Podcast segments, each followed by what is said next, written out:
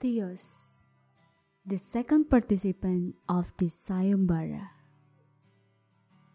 The case is not much different from Baras.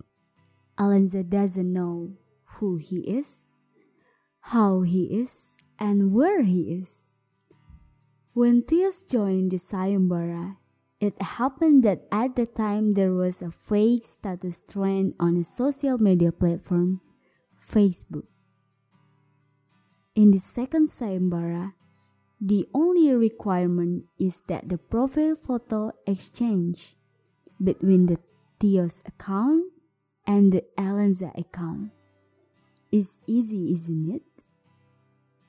However, the sayembara was not completed by Theos, and they both disappeared. Theos is still under Alenza for one year they were in the same school and in the same majors at a higher level than before. Luckily, not many people know that Theos has ever participated in a sayembara. Maybe because Alenza never told everyone about it. Even her best friend Hazel didn't know this either. At this school, Theos often catcalling to Alenza. Initially, Alenza didn't really care about it because of her very ignorant nature. But it grew more and more. At the time, Alenza was walking in the school hallway after the recess bell.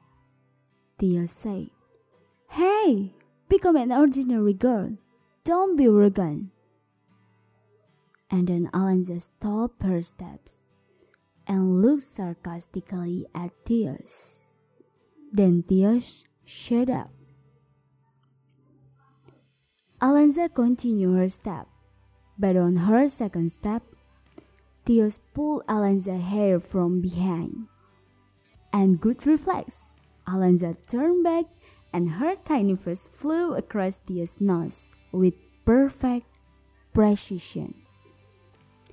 Even though a few drops of blood came out of his nose and was summoned to the magic room at school, it made Theos feel reluctant and stop for cat calling.